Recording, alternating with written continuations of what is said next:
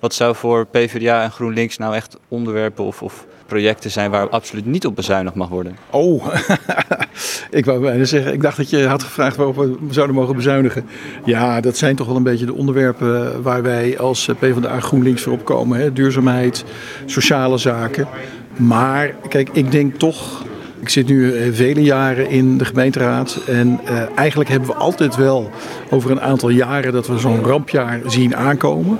En tegen de tijd dat we daar zijn, blijkt het dan gelukkig meestal altijd mee te vallen. Zo was het de afgelopen tien jaar zeker.